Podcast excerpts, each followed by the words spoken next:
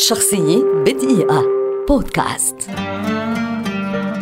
ماري كوري عالمة فيزياء وكيمياء بولندية فرنسية شهيرة ولدت عام 1867 في بولندا واكتسبت الجنسية الفرنسية فيما بعد وتعد من أبرز وجوه العلوم على مر التاريخ.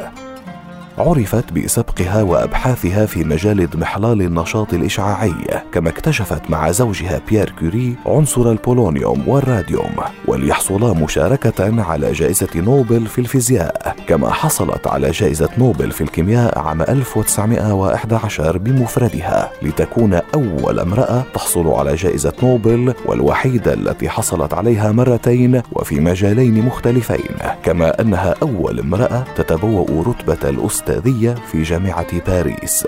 من إنجازاتها أيضا وضع نظرية لنشاط الإشعاعي وابتكار تقنيات لفصل النظائر المشعة وتحت إشرافها أجريت أول دراسات لمعالجة الأورام باستخدام النظائر المشعة كما أسست معهدي كوري في باريس وفي وارسو.